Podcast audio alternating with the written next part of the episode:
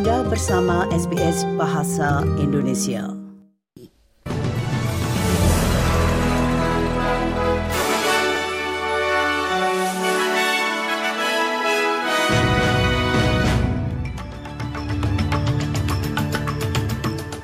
Warta berita SBS Audio untuk hari Senin tanggal 21 Agustus.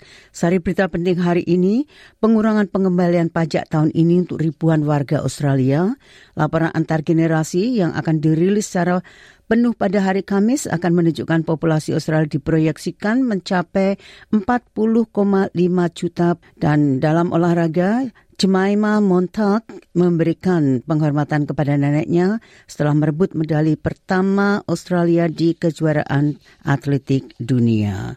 Berita selengkapnya.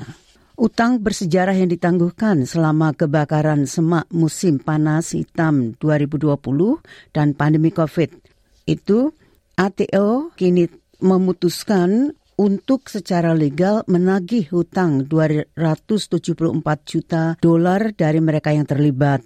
Direktur Grup Keuangan McCain, Phil McCain mengatakan ATO secara hukum diwajibkan untuk mengejar utang, tetapi lebih banyak transparansi akan membantu mereka yang menghadapi tekanan biaya hidup. The tax office is, is, is doing the, the government's bidding in terms of, you know, collecting revenue and, and, and squaring the books. So it's um, it's very much a uh, um, uh, a matter of fact, it's an agnostic job they do, and they're following. Bendahara Jim Chalmers mengatakan sebuah laporan baru yang menunjukkan warga Australia diharapkan hidup lebih lama dan menghabiskan lebih banyak tahun dalam kesehatan yang baik, menghadirkan tantangan bagi pengeluaran pemerintah. Laporan antar generasi yang akan dirilis secara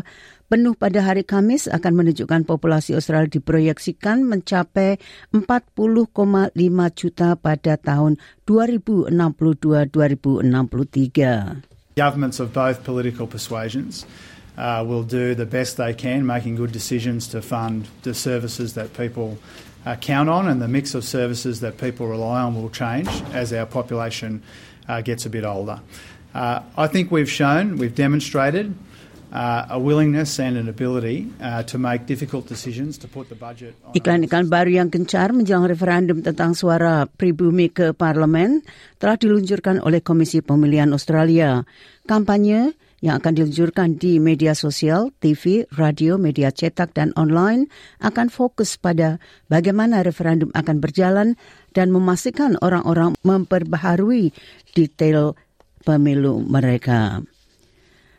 Menteri Industri Pertahanan Pat Conroy telah mengumumkan bahwa pemerintah federal akan melakukan pembelian bernilai miliaran dolar untuk meningkatkan kemampuan Angkatan Laut Australia, Angkatan Udara, dan Angkatan Darat Australia. Australia akan membeli 220 Tomahawk Cruise Missiles untuk angkatan lautnya dari Amerika Serikat dengan biaya 1,3 miliar dolar dan membelanjakan tambahan 480 juta dolar untuk rudal anti radar dan rudal anti tank Spike. The government's made no secret that we live in the missile age. You just have to look at what's occurring in Ukraine right now to understand that modern conflict is dominated by the power of missiles.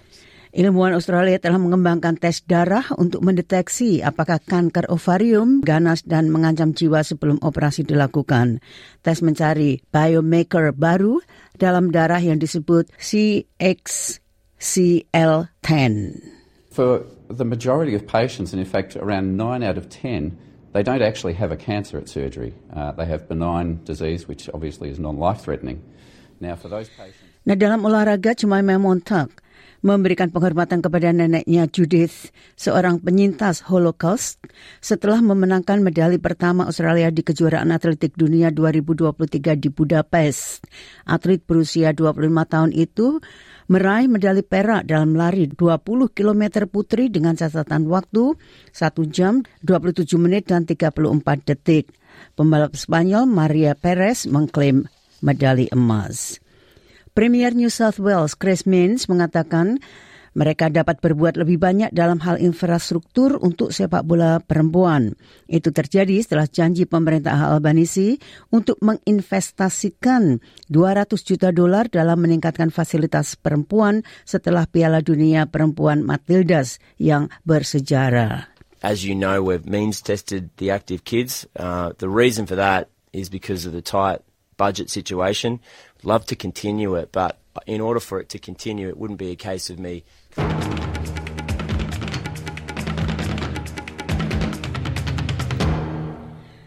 Sekali lagi sari berita penting hari ini, pengurangan pengembalian pajak tahun ini untuk ribuan warga Australia. Laporan antar generasi akan dikeluarkan pada hari Kamis nanti. Dan dalam bidang olahraga, Jemima Montag memberikan penghormatan kepada neneknya setelah merebut medali pertama Australia di kejuaraan atletik dunia. Sekian Warta Berita Radio SBS untuk hari Senin tanggal 21 Agustus.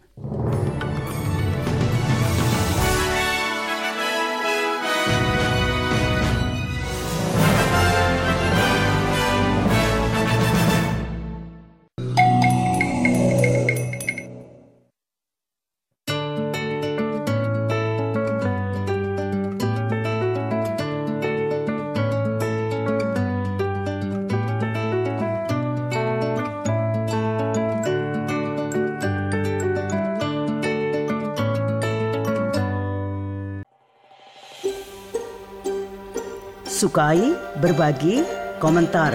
Ikuti SBS program Bahasa Indonesia di Facebook.